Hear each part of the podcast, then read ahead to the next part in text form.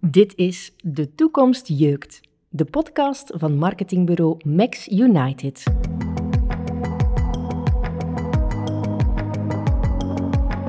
Levenslang leren. Het klinkt als een veroordeling, terwijl vrijwel niemand nog aan het belang van bijscholen lijkt te twijfelen. Of is dat schone schijn? Want wanneer de OESO-cijfers erbij halen, leren we dat Vlaanderen absoluut niet goed scoort. Dus ging Kurt praten met Piet de Smet, vice-rector van de KU Leuven en een vurig voorvechter van levenslang leren. Luister en leer. Zo, meneer de Smet, uh, blij van u hier te mogen ontmoeten.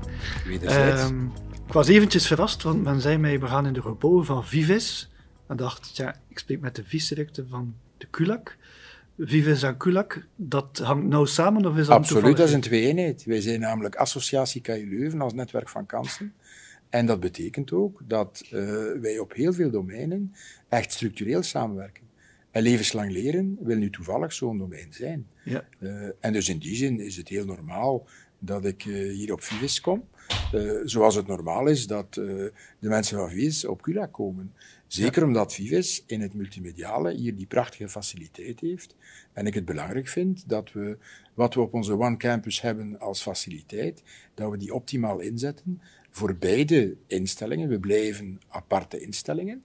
Maar we interageren maximaal, en dat is ook de bedoeling, denk ik. Ja. Uh, en ook belangrijk voor West-Vlaanderen, en zo voor heel Vlaanderen eigenlijk, dat hogescholen en universiteiten vanuit hun eigen identiteit synergie zoeken. Ja. En dat doen wij totaal. Een mooi verhaal, ook een mooie setting waar we hier vandaag zitten. En u hebt het al laten vallen, levenslang leren. Dat is ook een beetje het thema van deze podcast. Um, voor ondernemers niet altijd evident om te weten hoe ze daarmee om moeten gaan. Ik heb eventjes naar uw curriculum gekeken.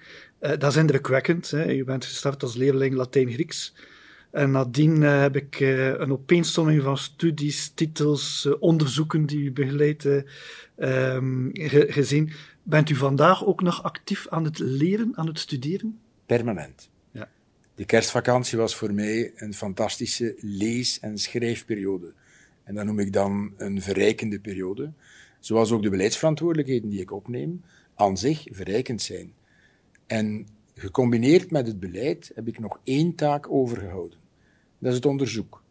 En ik ben enorm blij dat ik in het domein van inzet van technologie en onderwijs, educatieve technologie, ook zeer belangrijk voor levenslang leren, ook mee mag aan de knoppen zitten van het onderzoek dat de toekomstige lijnen uitzet voor dat domein. En het hangt eigenlijk allemaal samen. Mhm. Mm -hmm. Ik ben coördinator van ITIC, de onderzoeksgroep op CULAC. Die deel is van KU Leuven uiteraard, is een KU Leuven-team, maar dat ook een IMEC-team is. En ik ben een IMEC, de academic director van Smart Education. Opnieuw, inzetten van technologie en onderwijs. En in KU Leuven ben ik vice-rector niet alleen voor CULAC, maar ook voor educatieve technologie. Mm. Dus het hangt eigenlijk toch allemaal wel samen. Ja. Waardoor mijn conclusie is dat al die titels en uh, wat daar rondhangt eigenlijk niet de essentie zijn. De essentie is dat mijn voornaam Piet is en dat Piet zorgt voor eenheid in die verscheidenheid. Ja. ja, dat is een hele uitdaging. Ik heb trouwens dus ook gezien bij een van de onderzoeken waar u aan de slag mee bent, zag ik rond Computer Assisted Language Learning. Dat is een heel mond vol. Maar daar stond ook tussen serious gaming. En ik vroeg me af, wat zou dat zijn? Wel, daar zijn we eigenlijk uh, goed op aan het inzetten. Gaming is een belangrijke technologie, maar is eigenlijk maar een facilitator voor inhoud, voor het bereiken van nieuwe leerdoelen, voor het bereiken van doelstellingen die buiten de technologie zitten. Technologie is een middel, maar is geen doel op zich. Mm -hmm. En daarom zetten we heel erg in op serious gaming. De content en waar je het voor gebruikt zit in die serious. Waarover gaat dat? Wanneer je een leeromgeving wil creëren, dan hebben we vastgesteld dat voor bepaalde profielen van leerders het inbouwen van gaming-elementen echt het verschil maakt in termen van motivatie.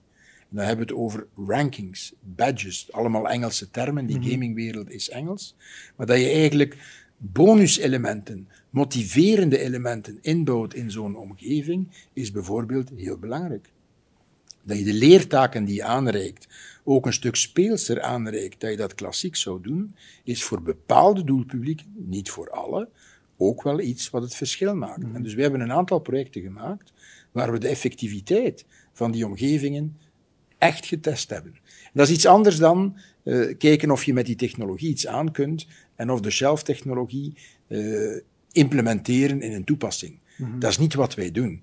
Wat wij doen is de effectiviteit, de meerwaarde meten van het effectief inzetten van die technologie om leerdoelen te bereiken. En pas dan weet je of gaming ook effectief het verschil kan maken om doelstellingen te bereiken. Niet gewoon als middel, maar als doel. En kunnen we die conclusie nu al trekken? Absoluut. Ik, we hadden een van de gasten die bij ons uh, aanwezig was, die via gaming ook in bedrijven zaken probeerde bij te scholen. En hij zei, ja, eigenlijk zien we daar dat, als ik me niet vergis, de retentie 30% hoger is dan bij klassieke opleidingen. Zou dat Wel, kloppen? Of is dat... um, het lijkt mij wat moeilijk om generische uitspraken te doen. Ik bedoel daarmee in algemene termen zeggen dat gaming inbouwen tot x procent stijging leidt van de leerwinst, dat zou ik nooit durven doen. Maar dat is mijn eigen insteek. Hè. Dat, daarmee zeg ik niets over, over wat die collega gesteld heeft, want ik ken het onderzoek gewoon niet. Mhm. Wat ik wel zou durven zeggen, is dat op het moment dat je motivationele elementen die naar de gamingwereld teruggaat, inbouwt in een leeromgeving, voor specifieke publieken, dit echt het verschil maakt. En dat hebben we inderdaad Mhm. kunnen aantonen. Facts en figures onderbouwd, evidence-based, uh, zeker waar. Neem nu bijvoorbeeld mensen die iets minder makkelijk studeren. Hm? Dat je die kunt meer motiveren door die in competitie te laten gaan met hun medeleerlingen, door daar badges aan toe te kennen, rankings op te maken, ze ook de mogelijkheid bieden, als ze de cognitieve taak gedaan hebben, dat ze dan een echte game mogen gaan doen als bonus. Al dat soort van dingen Hmm. maken inderdaad echt het verschil. Ja. U spreekt heel vaak vanuit, is logischerwijs, vanuit onderwijs, hè, uh, opleiding naar studenten en dergelijke. Is er vanuit CULAC ook uh, die link naar de ondernemerswereld? Enorm veel. Ja. Enorm veel. Omdat, kijk, ik kan u zeggen dat wij met een honderdtal bedrijven vanuit mijn team effectieve onderzoekssamenwerking hebben. Dat is toch niet min. Mhm. We hebben uh, ook met heel veel scholen effectieve interactie. Maar de interactie met de bedrijven, ook in dat domein van uh, onderwijs en technologie, is zeer belangrijk. We zijn hier in West-Vlaanderen de nummer één in educatieve technologie op het niveau van de bedrijven. Barco heeft multilocatieleren oplossingen die wij uittesten en met hen mee ontwikkeld hebben. Televic Education heeft oplossingen, auteurssystemen, evaluatiesystemen, uh, examenplatformen, toetsplatformen, die wij mee met hen geconcipieerd hebben, Assessment Queue. Signpost heeft een heel pak oplossingen, mm -hmm. onder meer de Wizoes Academy en de digitale methoden, uh, waar we heel graag mee interageren via het iLearn-project. Mm -hmm. En zo kan ik doorgaan. Mm -hmm. Dus er zijn hier in West-Vlaanderen, BLCC is een uh, spin-off van KU Leuven, van mijn eigen team trouwens, dat in uh, taalopleiding voor professionals echt het verschil maakt via digitaal leren. Ja. Dus met andere woorden, er zijn tal van bedrijven hier in West-Vlaanderen die in interactie met de universiteit echt tot nieuwsoortige oplossingen komen en maken, dat in het levenslang leren en in uh, de opleidingen en trainingen van bedrijven ook, dus niet alleen technologie die bedrijven ontwikkelen, maar ook het inzetten van technologie in opleidings- en trainingsinstituten buiten het regulier onderwijs, dat we die beiden adresseren. Ja. Eigenlijk, als ik dat hoor, zitten we hier ook zelfs regionaal met een zeer uniek gegeven. Die, die combinatie tussen heel wat vooruitstrevende bedrijven en dan ook nog eens uh, universiteiten en hogescholen die erop uh, kunnen inspelen. En toch zien we dan een onderzoek van OESO als het gaat over het levenslang leren, waarbij dat, dat, dat Vlaanderen niet bij de beste leerlingen van de klas zit. Is, is daar dan een verklaring voor? Wel, u zegt twee dingen in één. Dat is goed natuurlijk, maar ik ga die twee apart adresseren. Het eerste wat u zegt is dat we hier in West-Vlaanderen met een ecosysteem zitten dat uniek is. Dat zal ik onmiddellijk onderschrijven. En dat is ook zo. En dat, kent, dat weet Vlaanderen te weinig. Zelfs West-Vlaanderen weet dat te weinig. Mm-hmm. Ecosysteem, zoals er ook een is in Boston, met Harvard University, er een is in Londen, met University College London, en er een is in Finland. Met andere woorden, we zijn hier echt koploper in West-Vlaanderen. En we mogen daar eigenlijk toch ingehouden niet vier, maar tevreden over zijn. Mhm. Iets anders is de OESO-studie. En eigenlijk de plaats van levenslang leren in ons ganse systeem van Vlaanderen. En daar moet ik toch vaststellen dat inderdaad we daar zeker niet de best of class zijn, internationaal. Maar ik moet anderzijds wel uh, aangeven dat ook in dit domein, met name West-Vlaanderen, uitzonderlijk hoog scoort in levenslang leren. Neem nu alleen, ja, ja, absoluut. Neem nu de KU Leuven.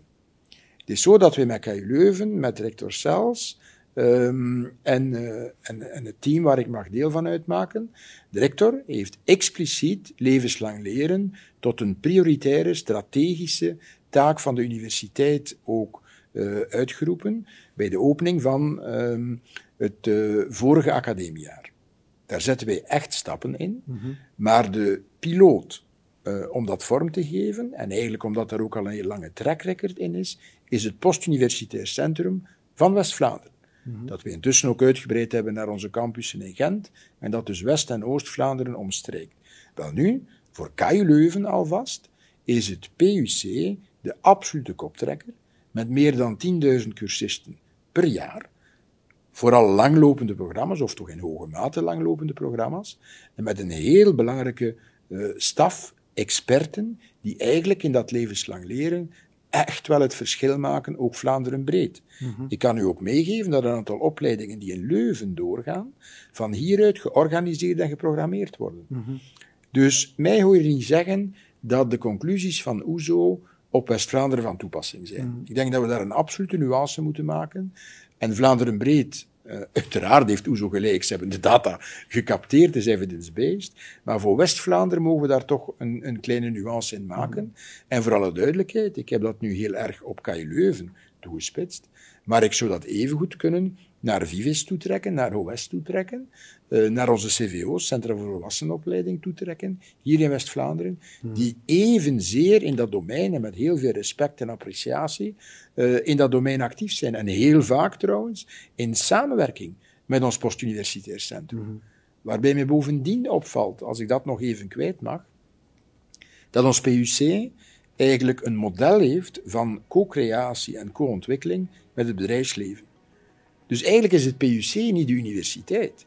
Het PUC is de perfecte interface tussen de universiteit, het bedrijfsleven, de sectorfondsen, alle mogelijke sectoren, want dat is niet alleen het bedrijfsleven, dat is ook de medische wereld, de juridische wereld, de culturele sector. En ga zo maar door.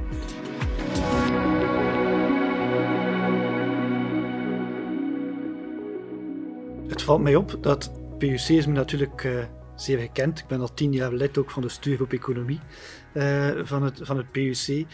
En het valt me daar wel op, en ik spreek nu wel heel specifiek over economie, dat als we kijken naar de evaluaties van die opleidingen die we dan effectief samen met de universiteit denken, dat kan een mooi topic zijn, dat is wel interessant, daar zijn bedrijven mee bezig vandaag, dat het heel moeilijk is om deelnemers te kunnen uh, werven daarvoor. En tegelijkertijd dat als we dan die evaluaties verder bekijken, dat de mensen die deelnemen wel zeer tevreden zijn. Als marketeer denk ik dan, waar zit die mismatch? Is, uh -huh. is die drempel te groot voor de KMO, denkt u? Hier? Wel, um, het is een probleem van motivatie. Extrinsiek en intrinsiek. Extrinsieke motivatie is eenvoudig. Is er een wortel uh, die niks te maken heeft met de inhoud van, het, uh, van de training aan zich, die mij geboden wordt? Als cursist en als docent. Als cursist bijvoorbeeld. Er is op dit moment geen rugzaksysteem waar, toch niet in alle sectoren, in, in geneeskunde heb je dat nu, waar je eigenlijk een rugzak krijgt, een, een, een leerkrediet, dat je moet inzetten om levenslang te blijven leren. Mm -hmm. Want dat zal ook de intrinsieke motivatie uh, aanzwengelen, waar ik straks op inga. Dat systeem hebben we niet. Hoe is dat mogelijk? Dus hoe is het nu eigenlijk mogelijk dat in de bedrijven, in de organisaties, er geen structurele plaats is voor levenslang leren en dat niet ingebed is dat mensen een stuk tijdens de werkuren, een stuk erbuiten, kunnen participeren aan levenslang leren activiteiten. Dat is uw pleidooi eigenlijk. U dat is absoluut mijn pleidooi. Ja. Absoluut mijn pleidooi. Mm -hmm. Hetzelfde voor docenten. Hoe is het in godsnaam mogelijk dat we daar geen stevige regeling voor hebben als mensen uit het bedrijfsleven aan de universiteit, met de universiteit, opleidingen komen geven, dat we daar een statuut voor hebben. Mm -hmm. Dat we dat formeel kunnen regelen. Dat we docenten in-house, professoren, die investeren in levenslang leren, daar ook voor erkennen en honoreren in hun eigen academische loopbaan. Het zijn allemaal externe factoren, extrinsieke motivatie, die niet geregeld zijn. Dat moet dringend gebeuren. En daar kan de universiteit een stuk weg afleggen, maar ook de overheid. It takes two to tango. En eigenlijk zelfs three to tango. En ook de bedrijven en de organisaties moeten daarmee in geloven. En misschien zelfs four to tango. Ook de cursisten, de burgers moeten zich daarvan bewust zijn. Want dan komen we bij de intrinsieke motivatie. Die is natuurlijk veel belangrijker. Maar ook daar meen ik te moeten vaststellen dat niet alle Vlamingen, en dat is eigenlijk een internationaal fenomeen, inschatten dat hun kennis en vaardigheden toch niet ten eeuwige dagen up-to-date is. Zoals een dokter het evident acht dat als er nieuwe chirurgische technieken zijn, dat die zich gaan moeten bijscholen, en die doen dat ook heel intens. In die sector is dat, is dat een verworvenheid. Waarom in godsnaam is dat niet zo in andere sectoren?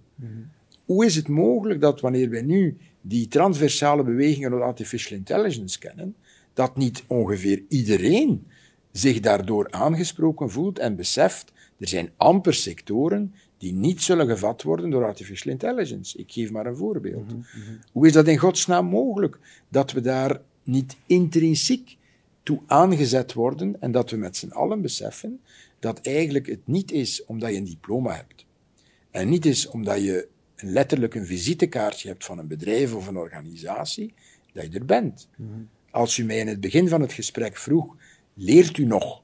En als ik zei, doorheen al die titels en functies, ben ik een lerende persoon. Daarom heb ik ook voor de universiteit gekozen. Ehm, dat is de essentie. De dag dat wij niet meer leren, dan hebben we eigenlijk als persoon, als identiteit, misschien wel een klein probleem. Ik bedoel, de essentie van ons zijn, van ons bestaan, is ons permanent verrijken. Niet financieel, maar intellectueel. En die verrijking die kan dubbel zijn. Dat kan gaan over uw beroep, met andere woorden, een, een functionele kennis en vaardigheid die je nodig hebt om de volgende stap te zetten in je carrière. Maar dat gaat ook over uw bildung. Dat gaat over uw globale culturele bagage. We hebben bijvoorbeeld in het PUC hebben wij enerzijds ons topprogramma, topprogramma's, want dat is een volledig concept in vastgoedkunde, dat in hoge mate de mensen ook in een loopbaan een verdere, een verdere stap laat zetten. Maar wij hebben evenzeer een programma als ArtView, dat vastgoed eigenlijk op een andere manier gaat bekijken, met name vanuit een artistieke invalshoek. En waar wij mensen eigenlijk verrijking bijbrengen. We hebben een curricula rond literatuur, rond kunst. Ga zo maar door. Ook dat is levenslang leren. En ik vind het wat jammer dat de gemiddelde Vlaming niet voldoende gesensibiliseerd is voor de absolute noodzaak van levenslang leren. Niet om het PUC plezier te doen, niet om de universiteit plezier te doen, maar om te maken dat je zelf als mens voldoende verrijkt en dat je eigenlijk in de maatschappij van morgen je ook goed zult voelen.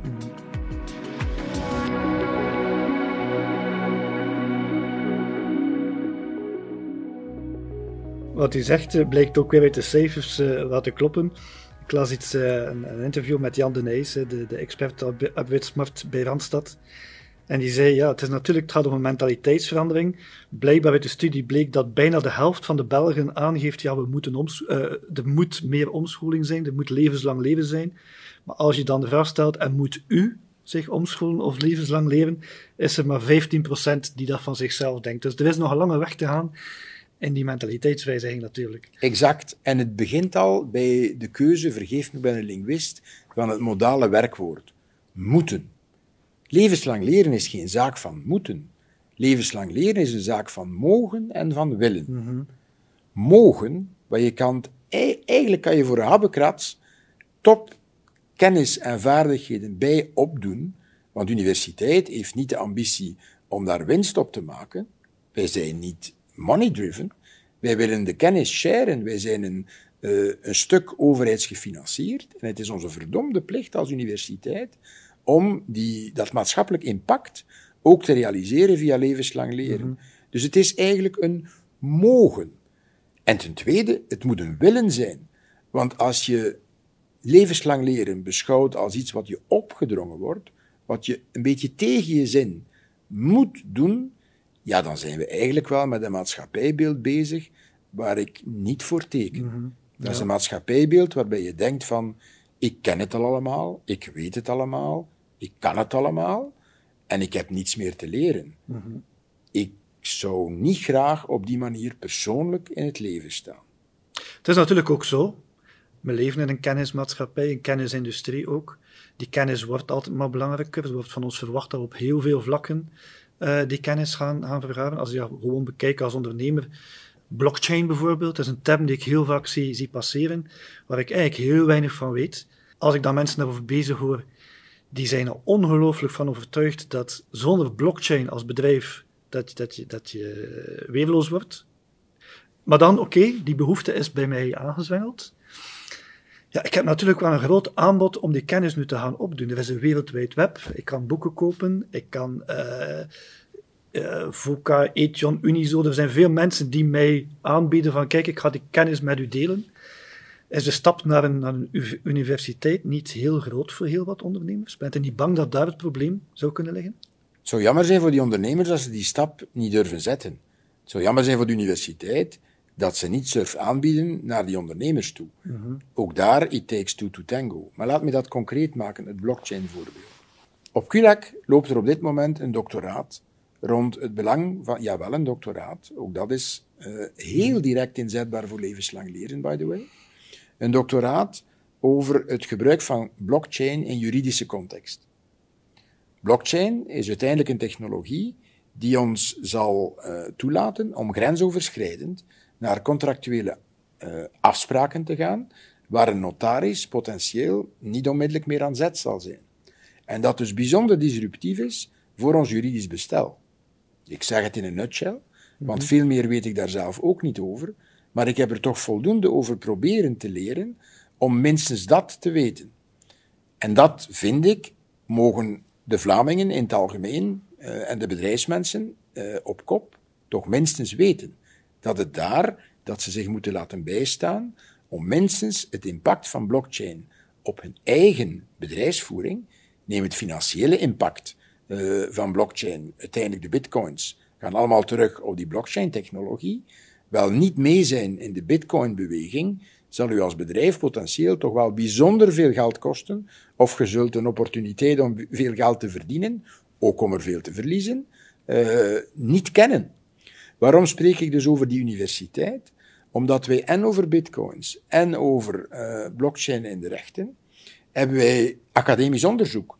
Maar academisch onderzoek is al lang niet meer een ivoren toren. Het doctoraat rond blockchain en de rechten wordt gecofinancierd door het bedrijf Kronos.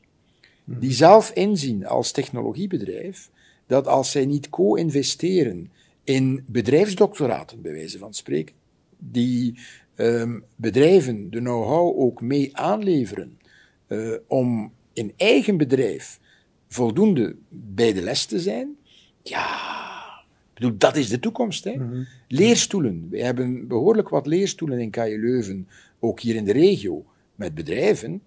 Als wij daar ook de laatste evoluties u had het net over artificial intelligence, blockchain, Internet of Things enzovoort. We kunnen allemaal uh, in, laten we zeggen, de, de data-driven servitization van onze maatschappij. Wel, wij hebben een leerstoel nu net afgesloten met uh, het bedrijf Renson. Uh, en daar hebben zij zelf in-house een zeer grote R&D-divisie rond data science. Wel, wij interageren daarmee op een geavanceerde manier met academisch onderzoek, om dan het businessmodel dat data-driven servitization is, om dat met hen verder vorm te geven. Mm-hmm. Allemaal heel concrete voorbeelden van zaken waar bedrijven rechtstreeks, um, laat ons zeggen, vooruitgang kunnen boeken. En ja, dat is heel verschillend van een opleiding die je gaat volgen, bijvoorbeeld bij VOCA, waar ondernemers elkaar informeren hoe zij met dit, dit soort van problemen omgaan. En dat is een, dat is een peer session. Mm-hmm. Wij kunnen dat ook organiseren, we doen dat soms dus. Maar dat FOCA daar meer de lead in neemt, daar kan ik helemaal inkomen. Mm-hmm. Dat uh, een Ethion um, dat op dezelfde manier gaat doen en dan experten gaat aan, uh, aanspreken uit verschillende instellingen. We doen dat trouwens tot op zekere hoogte ook. Maar de insteek is daar nog, nog iets implementatiegerichter dan dat bij ons het geval zal zijn. Wij proberen de goede mix te bieden van uh, academische inzichten en praktische toepasbaarheid. Ja. En ik kan me ook voorstellen dat bij jullie de zekerheid er is dat alles onafhankelijk gebeurt, de informatie die er komt. Ik las ook dat u zei, wij moeten omnichannel en volledig blended worden. Dat is waarschijnlijk wat u bedoelt met die voorbeelden die u nu geeft. Wel, um, ja en nee. Met omnichannel en blended heb ik het minder over de inhoud, maar heb ik het veel meer over de drager, waar langs we onze, uh, ons aanbod brengen bij de, bij de, uh, bij de bedrijfsmensen. Mm -hmm. En daar moet ik zeggen dat we ook met het PUC in coronatijden um, heel snel geschakeld hebben. En we eigenlijk de know-how die opgebouwd is, zowel aan KU Leuven operationeel uh, met het Going Digital programma, als onderzoeksmatig met mijn eigen onderzoeksteam, uh, waar we precies rond multilocatie leren bijvoorbeeld heel veel doen. Hoe kan je van op afstand mensen toch in voldoende interactieve modus training geven? Dat we al die know-how heel snel hebben toegepast in het PUC. Mm -hmm. Waardoor ik toch even mag zeggen dat de, het PUC, dat eigenlijk op zich ook een KMO is, het is eigenlijk een, een organisatie, niet money-driven, maar het is een soort VZW bij wijze van spreken, zonder die, die structuur te hebben. Um, toch maar uh, netjes stand gehouden heeft, en veel meer dan dat zelfs, in die coronatijden. Mm. En hoe is dat gebeurd? Door omnichannel te gaan en blenden te gaan. Dus ik kom daar op uw punt. Omnichannel betekent eigenlijk dat we alle dragers die we kunnen gebruiken in een leeromgeving samen activeren. Nu, in coronatijden betekent dat dat wij automatisch helemaal digitaal gaan. Wij doen dat met kennisclips, wij doen dat met een leerplatform, wij doen dat met uh, gedidactiseerd, met, met e-learning modules. Maar we zijn er al lang uit dat dit absoluut niet volstaat. Mm -hmm. Want mensen haken af. Als dat alleen achter het scherm is en oefeningen doen zonder coaching en, en theorie verwerken zonder begeleiding, lastig. Daarom heeft het PUC onmiddellijk de hybrid en virtual classroom faciliteit van uh, CULAC ingezet met groot succes. We hebben die intussen ook in Brugge trouwens op onze campus, waarbij je eigenlijk kunt afstandsonderwijs, de docent staat in de ruimte en kan aan 50 cursisten tegelijk lesgeven die van bij hen thuis of van op hun bedrijf inbellen en die de volledige interactiviteit hebben en elkaar ook zien. En eigenlijk, of je dan ter plaatse bent of op afstand, is een relatief secundair iets. Het is niet helemaal hetzelfde als fysiek, maar het scheelt niet veel. In post-coronatijden blijft dat nuttig. Want een levenslang leren, uh, leerder, een, een, bedrijfs, uh, een bedrijfsmedewerker, een staflid, die zal er waarschijnlijk bij gediend zijn van te mogen uh, cursussen volgen van bij hem of haar thuis, van op het mhm. werk, of zitten die in het buitenland um, voor een of andere opdracht, dan kunnen ze dat even goed volgen. Mm -hmm. En hebben ze tijd om langs te komen fysiek, het is een hybrid formule, er kunnen evenveel mensen ter plaatse zijn als er online zijn. Ze kunnen ook af en toe ter plaatse komen. Mm -hmm. Een cursist kan perfect beslissen van bijvoorbeeld om de zoveel sessies eens ter plaatse te komen, ook om de docent een paar vragen te kunnen stellen. En te zeggen van voor mij hoeft het niet dat ik daar altijd ben. Ik win verplaatsingstijd, ik, ik kan dat op mijn eigen ritme doen, op het moment dat het mij uitkomt, enzovoort, enzovoort. De leider van morgen, die zit niet meer in een vast karkan. Mm -hmm. Dus eigenlijk dat idee dat we allemaal samen leren op hetzelfde moment, aan hetzelfde ritme, zoals de docent het gewild heeft, en docent gestuurd dat gaan aanpakken, dat is compleet voorbij. Mm -hmm. Levenslang leren is de proeftuin waarin we dat model het eerst herdenken. En daarom is het PUC en levenslang leren zo belangrijk voor de hele CULAC en de hele KU Leuven. Omdat onze quote-unquote gewone opleidingsprogramma's, de bachelors en de masters, heel veel kunnen leren van het PUC. Mm -hmm omdat we daar expertise in opdoen. We hebben intussen voor de rechten een zeer succesrijk werkstudentenprogramma. Wel, er is een enorme interactie in know-how tussen het werkstudentenprogramma in de rechten en het PUC. We hebben de verkorte educatieve master, die een lerarenopleiding is voor mensen die al in het beroepsleven staan, bijvoorbeeld. Wel, daar kunnen we heel veel van elkaar leren. Dus u ziet dat er op die manier een continuum ontstaat tussen wat we vroeger de basisopleidingen noemden, zeg maar wat we dachten de universiteit te zijn, en levenslang leren. De universiteit heeft zich veel te lang gefocust op de 18-25-jarigen. Die core blijft, absoluut. Dat is onze primaire missie. Maar de 25-plusser, die blijven ook van belang. En zoals ik al zei, ik stel toch vast dat de 25-plusser zijn leergierigheid niet kwijt is. Integendeel, ik stel ook vast dat mensen die zelfs naar het einde van de loopbaan gaan, alsmaar meer geïnteresseerd zijn in levenslang leren. Dan meer in die bildung dan in de beroep. Maar ik zie dat onze fameuze draak van een term, universiteit derde leeftijd, noem het derde levensadem, derde levensfase, dat dat boomt. We hebben hier meer dan duizend ingeschreven voor universiteit derde leeftijd. Ja. Dat is fantastisch. Ja, ja, ja. Ook dat is universiteit. Dat is nou niet ergens iets wat wij erbij hangen zo. Eh, wij hebben junior college naar het, naar het secundair onderwijs. We hebben kinderuniversiteit. Bedoel, Dat is allemaal niet vanuit een wervend perspectief, maar dat is vanuit het idee dat wij als universiteit maatschappelijk impact moeten hebben. Want we zijn uiteindelijk ook meegefinancierd door de overheid. Wel, maatschappelijk impact betekent dat wij alle Vlamingen op een bepaalde manier voor hun leermoden kunnen servicen.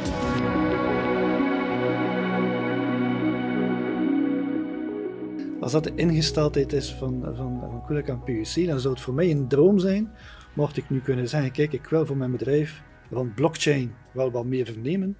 Wel, ik bel even naar, naar PUC en ik vraag, kan er een professor, het zij virtueel, het zij fysiek, naar mijn bedrijf komen om daar eens in anderhalf uur de belangrijkste zaken rond blockchain toe te lichten. Is dat een utopie of denkt u van, dat moet mogelijk zijn? Wel, het is een, een eh, laat ons zeggen, het is zeker geen utopie. De vraag is of de universiteit alleen daar de beste speler is om uw leernood te tackelen. Wat wij heel graag doen, is mensen uit meerdere bedrijven bijeenbrengen, om samen ook na te denken over hoe we dat kunnen toepassen in die verschillende casussen. En dus de aanpak van het PUC en van de universiteit is klassiek om academia en industria op gelijkwaardigheid bijeen te brengen. En dus een model waarbij dat we kunnen een opleidingstraject aanbieden waar we meerdere bedrijven bijeen hebben, zullen wij verkiezen. De eerste lijns coaching op de vloer is iets wat wij als universiteit minder als onze primaire opdracht beschouwen.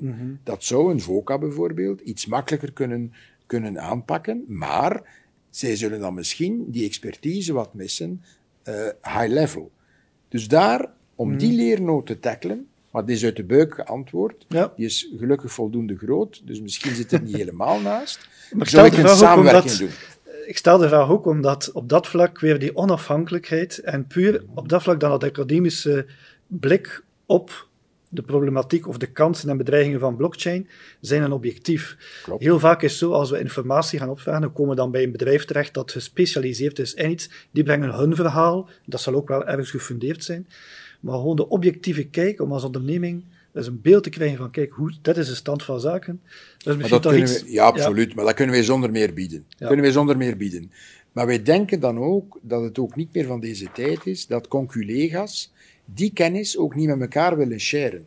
Mhm. En wij vinden dat een lerende gemeenschap, neem nu vastgoedkunde. Dat is een community. Dat is een concept. Eigenlijk, om het cru te zeggen, als je in vastgoed actief bent en je hebt nog nooit iets gevolgd bij het PUC in dat domein vastgoedkunde, ja, het is misschien wel wat bizar. We hebben een event in, eh, in Brussel, een, grote, een groot netwerkevent ieder jaar, met honderden mensen bijeen. De, de, de beau monde van, van het vastgoed is daar bijeen. Niet dat dat belangrijk is dat dat de beau monde is, maar dat is een community. Dat is een leergemeenschap. En we vinden dat het creëren van leergemeenschappen over bedrijven heen heel belangrijk is.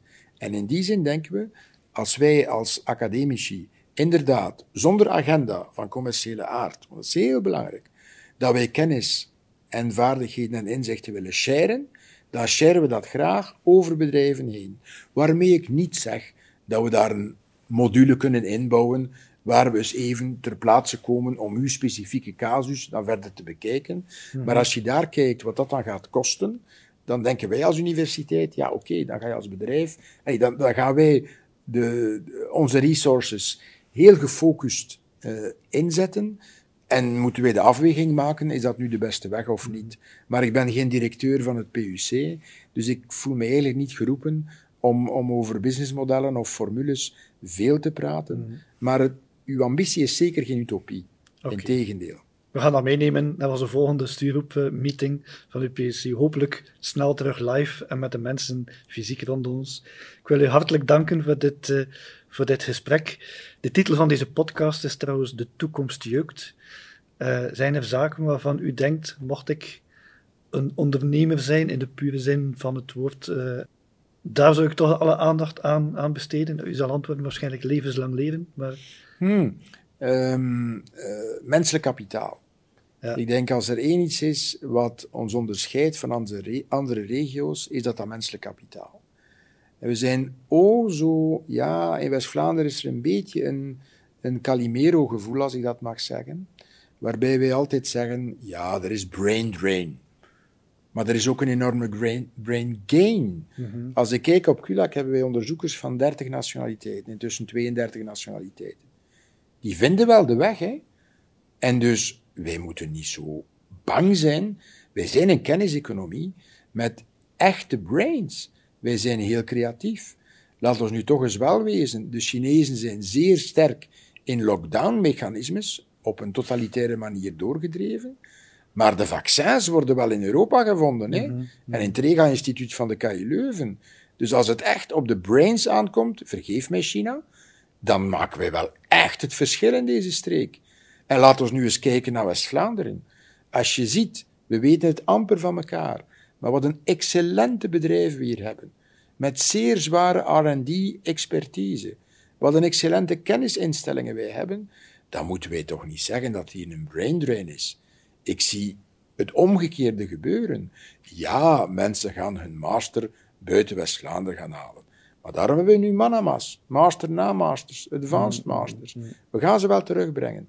En als we een goede proposal hebben voor die mensen, dan gaan we die ook terughalen, bij wijze van spreken. Maar niet alleen terughalen, komen er andere mensen. We zitten in een mobiele, in een mobiele wereld, in, in een wereld die, die veel breder is dan West-Vlaanderen, gelukkig maar, weg van de kerktoren. Maar dan denk ik dat als er één iets is waar we moeten in investeren, zijn het die brains. Zorgen wij voor een goede work-life balance voor die mensen? Zorgen wij ervoor dat als er iemand van het buitenland naar hier komt, dat ook de partner een goede oplossing heeft? Dat zijn ook kenniswerkers, heel vaak, en die evenzeer ambities hebben. Zorgen wij ervoor dat er voor de kinderen een oplossing is? Zorgen wij ervoor dat wij, wijzen wij erop dat wij een groene long van Vlaanderen blijven? Dat wij ecologie en duurzaamheid ook belangrijk vinden, want we zijn een duurzame maatschappij.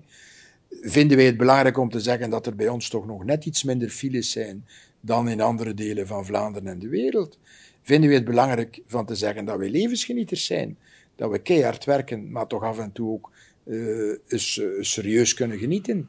Waarom, waarom zijn wij daar zo, zo schroomvol over? Laat ons ons gewoon presenteren zoals we zijn, namelijk West-Vlamingen op en top. En dat we het internationaal goed doen, ook bedrijfsmatig, dat zal geen toeval zijn. Hè? Dat zal waarschijnlijk zijn dat wij, ja, er zit hier behoorlijk wat kapitaal, dat is altijd meegenomen, maar er zit hier vooral brains, er zit hier guts, er zit hier ondernemerschap.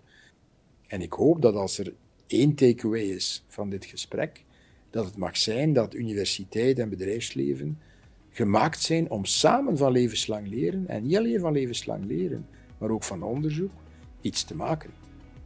Wel, ik hoop dat we ook met deze podcast eh, onze troeven, onze brains en onze guts mogen eh, helpen uitdragen. Bedankt voor het gesprek. Met heel veel plezier en ik mag toegeven, het jeukt nog altijd. Dus dat is goed. Dank u wel. Super, dank u.